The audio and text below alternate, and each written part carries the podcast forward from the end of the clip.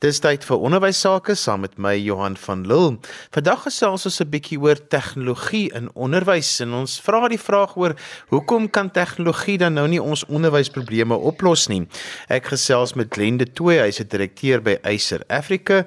Glen, kom ons begin en ons sê van julle kant af oor die tegnologie integrasie in Suid-Afrika. Wat is die huidige stand van dit in Suid-Afrika? Baie dankie Johan. Ja, nie meer so maklik om uh, regsteeds antwoord te gee op dit want as baie dinge wat aangaan as ons uh, by 'n paar van die skools kyk, kan sien ons dat hulle wêreldklas is in in in in terms van die uh, die werk wat hulle in die klasroom klaskamers doen. Um maar die die grootste probleem is is is dat dit nie vir die die masses ehm um, en vir vir meeste van die kinders ehm um, die tegnologie gaan nie net nie, nie in 'n lande beland nie die manier wat ons ehm um, dit wil sien. If we sort of have a look at it from a, a global point of view you know less than 1% of our schools in South Africa are actually equipped to deal with technology in the way that it is. En en en dis die grootste probleem. Die tegnologie is daar maar gaan ons dit gebruik in die, in die regte vorm of nie is die vraag wat ons almal moet vra So Glen, wat is die uitdagings wat Suid-Afrika dan in die gesig staar om sy onderwysstelsel te verbeter? Wel die eerste ding wat ons nou moet doen is met mekaar te praat. Dit is die grootste probleem. As as ons as ons you know wêreldwyd kyk um en sien hoe dit gewerk het, sien ons dat daar uh, belangrike uh, uh, there's some really really strong partnerships that have formed um, uh, sorry for to, to, to keep switching between English and Afrikaans, but uh, I apologize for that. But, but there's some really strong partnerships that have, have developed between government businesses um, where government is sitting back and saying we need businesses to help us develop the theory and the strategy behind it. Want anders moet hulle dit op hulle eie doen en dan dan dan word dit hoeveel kan ons bekostig, weet jy? Dan dan word dit 'n vraag van hoeveel hoeveel kontant is in die, in in in die bank wat ons gaan gebruik. If I have to answer that question honestly, I think one of the the the biggest things that we've seen globally is is partnerships that form between businesses and government um, and businesses and schools whereby there's a there's everybody holding hands around what the bigger picture is and the bigger picture is is how do we make um, education more accessible and, uh, you know, I, I, often say in my conversations with people that um, technology and, and that exists for one reason, one reason only, and that's to increase efficiencies. Um, and if we can use technology effectively, um, that's how we can deliver education to our, our, our, outlying regions. And, and whether you're in the top school or the bottom school, you can actually benefit from a very, very solid education by just working together. I think one of the big problems that we have in South Africa here is, is that we don't fully understand what digital transformation or technology transformation in an education environment actually looks like. So if I have a look at the government's conversations, you know, it's it's about how do we get how do we get as many uh, tablets or how do we get computers into the learners' hands? And that's that's the last, last, last, last, last um, question that needs to be asked. The first question is, is how do we formulate uh, an education system that can be delivered in a digital format, in a format that allows for uh, um, integration of technology. Remember, technology doesn't replace the classroom, it just assists the classroom. And that's where the mistake is being made, is, is that the two have to live together they can't live separately. And if you have a look at global best case practices, the technology supports the education. And I think that that's sometimes where we've gone wrong in South Africa.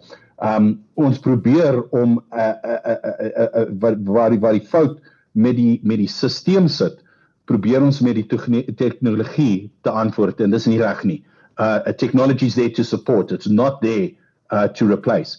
And I think that that's something that we need to get around the table and have a have a bigger conversation about. Glen Taiwan was nie lank terug in dieselfde posisie as ons, maar hulle het hulle onderwysagterstand aangespreek en wêreldwyd het hulle nogal 'n mag in tegnologie geword. Is daar enige spesifieke strategie of inisiatiewe waaruit Suid-Afrika kan leer van Taiwan af? Ja, ek dink ek dink die grootste les wat wat wat hulle kan uh, hulle het geleer is hulle het almal bymekaar gekry Um hulle het die onderwysers en die onderwyseresse en die en die administrasies en en die mense van die tegnologie soos Eise of Isus of mense van van wat wat wat die uh, wat die tegnologie die tegnologie um, uh uh mas, die maatskappye wat wat die besigheid wat in daai daai industrie is. Hulle het hulle toe na gekry en almal het op dieselfde bladsy begin. Um and what they did is is, is that they got people talking and saying as a business if you want these people to be employed in technology in 10 years time these young kids to be employed what are the skills that you need to develop? And they then changed the curriculum and they amended it they, they, modified the curriculum to accommodate some of those things. So for example they recognized that in those days transistors and ICs were going to be uh, and semiconductors and the manufacturing and the assembly of these were going to be there and in, instead of doing a subject which was very very simple and had no bearing on greater life they started integrating into the class practical lessons on how you can use technology and how technology works. Now in south africa what we've done here to a large degree is if you look at our education we're introducing things like coding which is very important. But if we look down the road already there's artificial intelligence that's replacing some of the coding they introduced robotics. But again, if we look down the road, robotics are the uh, robotics are in 2023 what mechanics was and uh, uh, uh, uh, what, what what car engines were back in the 70s and 80s in the classroom where they you know we had the technical subjects where people learn motor mechanics it's it's simply replaced that but it's not replacing for long term as to where the education is going to actually go and this, the primary starting point has to be technology literacy and computer literacy. How do we need to know how to use technology effectively to get the outcome we want? So baie goed baie baie goed uh uh, uh a really good example would be you take your subjects uh, your your languages English Afrikaans whichever one it happens to be are the learners learning how to use programs like Microsoft Word or Google Documents to submit their tasks and, and that through? Um, are they using Excel in high school mathematics from grade 10 onwards? Ek het gehoor van 'n 'n 'n hoof van een van die skole wat ons ehm um, saamwerk. Toe sê hy vir my sy sy twee kinders Hulle het laas jaar uh, matriek geskryf uh, en hoë 94 90% taal ehm um, percentages gekry vir hulle hulle eksamen. Um, baie baie slim kinders. Toe gaan hulle 'n universiteit toe, maar dan is hulle op die op die backfoot want hulle kan nie 'n 'n komputer werk nie. Hulle weet nie hoe om dit dit te weet. So hulle het uh, you know 'n 'n A+ in accountancy gekry en uh ongelukkig you know, when they started moving over and working on Excel to do accounts and computer software projects, they started finding themselves falling very, very far behind the kids who maybe weren't A plus students, but were computer literate. And that is the big thing that we're seeing worldwide is, is that kids who are at the higher end of the knowledge base, in other words, they're doing well in the traditional way of working and gaining of knowledge. When it comes to implementing that in a technology environment, they're actually behind the curve. They're not up in the top anymore, and they are playing catch up in the first year, year and a half of their of their university degree. Because if they don't, they're going to be sitting behind everybody else. So I think that digital and computer literacy is the starting point of making sure that we do that, and that starts as early as the grade four. So van vierde van van van graad 4 moet hulle moet moet moet die kinders begin om te weet hoe om 'n 'n rekenaar, komputer te te gebruik in elke um, soort van die werk wat hulle by die skool doen. And and I'm not talking about the fact that they that the computer needs to replace a textbook or the computer needs to replace a reader. Just that the computer needs to start being integrated into the learning experience. Um, and with the computer is obviously the the the what we refer to as the pedagogy or the learning experience that happens behind the scenes again, the computer is just the tool. So we've got to start with all the other ways of uh, the ways of working behind it, and how are we integrating that that literacy into our day-to-day schooling environment?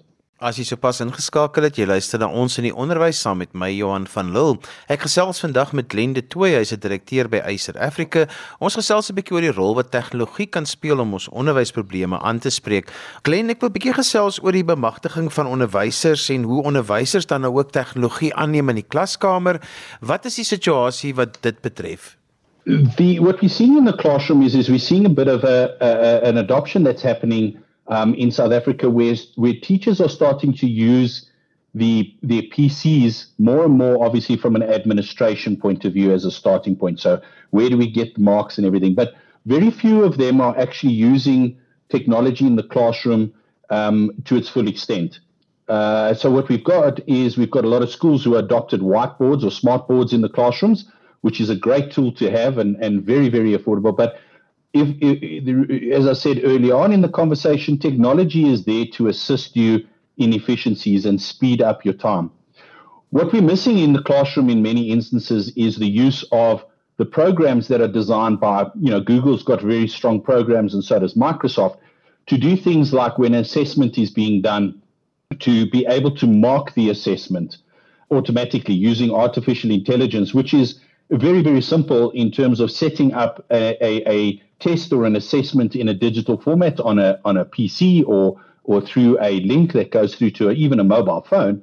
Um, and this can be done for mathematics, it can be done for languages, etc.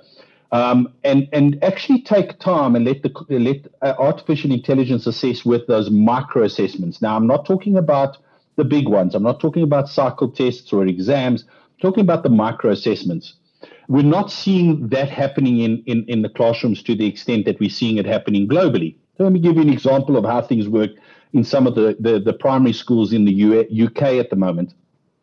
Uh, we've got a couple of partner schools um, where they're using the Microsoft Reader um, applications. Um, and what they do is, is the learner will be given a prepared or an unprepared passage they will record it in a Teams environment. So, in other words, they will go into the, the exercise, they'll log in, they will do their reading. And what will happen is, is that the educator, the, the, the, the educator will go in and they will have preset the expectation levels. In other words, I, I need to make sure that there's no repetitive language. In other words, I'm not reading the word more than once. Uh, the, the breaks are being acknowledged. So where there's punctuation, I'm using the punctuation effectively. Um, and things like that. There's a break in the sentence. And then the computer, using the artificial intelligence, which is there, will monitor the reader and will pinpoint all the areas which will help, um, which, which, which are a problem in the um, prepared or unprepared reading. What happens then is, is that the educator gets the report, they go on to the report, and what they're able to actually do is pinpoint and say, hey, Johnny, you are battling with your punctuation. So, what we're going to do now is we're going to spend a little bit of time working with you on punctuation, breathing more effectively, reading fluently, etc. Now, imagine if you now take that example where you now let those a kid, a classroom of 30 kids go and do this as an exercise. They do it simultaneously. And now the teacher can spend the next 25 minutes of a 30 minute class after the unprepared reading marks have come through actually focusing on helping the kids get better by using examples and showing them how it works. So pulling up the videos of what was recorded and going back to Johnny and saying to the class, look at how Johnny doesn't pause. Look at how he drops off his letters or his words. And we're going to now use this to help everybody learn. So instead of spending the whole period having one kid come up and everybody being disrupted in the class because they're sick and tired of listening to the same over and over unprepared reading going on. Now what happens is, is that you can spend that time actually using and educating. So from a classroom environment, there's so much happening around that educators can get stuck into. This is also happening, it is happening in some of the South African schools but it's particularly happening in schools where the teachers are more advanced and they're actually out there looking for these solutions to help themselves. Glen, wat is nou jou mening die belangrikste stappe wat Suid-Afrika moet neem om ons onderwysstelsel te verbeter en om tegnologie meer effektief te integreer? Die eerste ding wat ons moet doen is ons moet een Miskien moet dit dit dit per provinsie wees of of of of aandeel van daai soort ding o, ons moet 'n skool kry of ons moet 'n 'n 'n syllabus kry wat beskikbaar is vir almal op die internet. So a, a platform that is available no matter who you are that you can go on and you can access the lessons for the week in the in in in in a in a technology environment whether that is done in the form of a website that is accessible so that if i am a parent sitting at home and my child is battling and I can see that they're battling with arithmetic, I can go and put them onto a platform that they can learn and get the content. I think that we need to appreciate the fact that the curriculum belongs to the people. So instead of the curriculum sitting in the files within the education, uh, within the school or whatever, it should be sitting accessible for everybody to get rid of. That would be my view in terms of the first step that we should do. And the more we can allow for that to be consolidated and standardized, the more we allow for excellence to come through. And I know that that sounds like a bit of an oxymoron, but the more we can have a base to work off, the more we can actually accelerate and say, Johnny is 10% above the base, but Mary is 25% above the base. And we can then accelerate the learning. The biggest problem we have in South Africa is we have diamonds and gold mines of kids who are sitting in communities who just don't have access to the education system because they're stuck in a class of 45 to 50 kids and they can only progress at the pace of the slowest learner in the class in that environment. So we need to be able to give those kids access to that platform. And there is no standardized platform. Government, through its e learning program, has been talking about that extensively but we yet to see it actually happen in real life. So you can imagine that platform, you could have a, a take that platform to the next level and imagine using digital TV. We start broadcasting the top of the range lessons through a digital TV environment so that if I'm battling with Pythagoras, I can go into a Netflix type of an environment where I can go into my program, the series of mathematics, I can go into the lesson I need to follow up from. And in my own time, I can go and relearn what Pythagoras is in my home language. And this can be done across 11 official languages. It can be done including sign language and for people who are who are hearing impaired. If we have a digital platform that contains our education curriculum that we can democratize and make available to every single individual out there, that would go a long way um, in, in, in, in, in bringing education and uplifting the game of education in South Africa. And to me, that would be my first and probably my last request from government is build a platform with a standardized curriculum, a curriculum that is acceptable at multiple levels that we can then take to the masses and make available. So whether you're in the top school um, in Pretoria North, or if you're in a, a school within Soshanguve that you have access to a, to a curriculum that is delivered by high quality educators in your home language. Technology can do that at a fraction of the cost as what it would be for us to open up a whole bunch of new schools and have more kids in the classroom in that there. You could learn on your mobile phone, or you could learn on your TV, or you could learn in a classroom. So it's not a case of one replaces the other. It's that this would support learning in so many different environments. And that to me is, is what we as a developing nation need to do in order to get our education level up. That's one of the starting points. Imagine having the best math teacher teaching this country on how to do a certain mathematic problem in a digital format and then doing the follow up with exercises. And you can't, and, and, and there's ways and means of doing this. this is where we need to get the, the education system around the table to talk about using technology more effectively. Klein is daar enige hulpbronne of lekker plekke waar mense meer inligting kan kry oor digitale transformasie en hoe dit ons land kan baat en wat onderwys daai kan kry? Yeah, so we at Acer, we've got a Acer for Education um, uh, Educators uh, Academy program, um, whereby you go on and you can mix with educators throughout the world and you can actually bounce your ideas off. Microsoft has got a phenomenal teachers portal um, where you can go in, sign up as an educator, Microsoft educator, and you could actually develop curriculum and sell it to other countries if you get part of those programs. Um, that's the one the one area of it. The other thing that I found in a couple of conversations with some of the schools is they're utilizing areas like Khan Academy, the free learning platforms that are out there, not to replace their curriculum that they have or their, their, their syllabuses that they have within their classrooms, but to reinforce it. So there's lots of these tools that are available out there.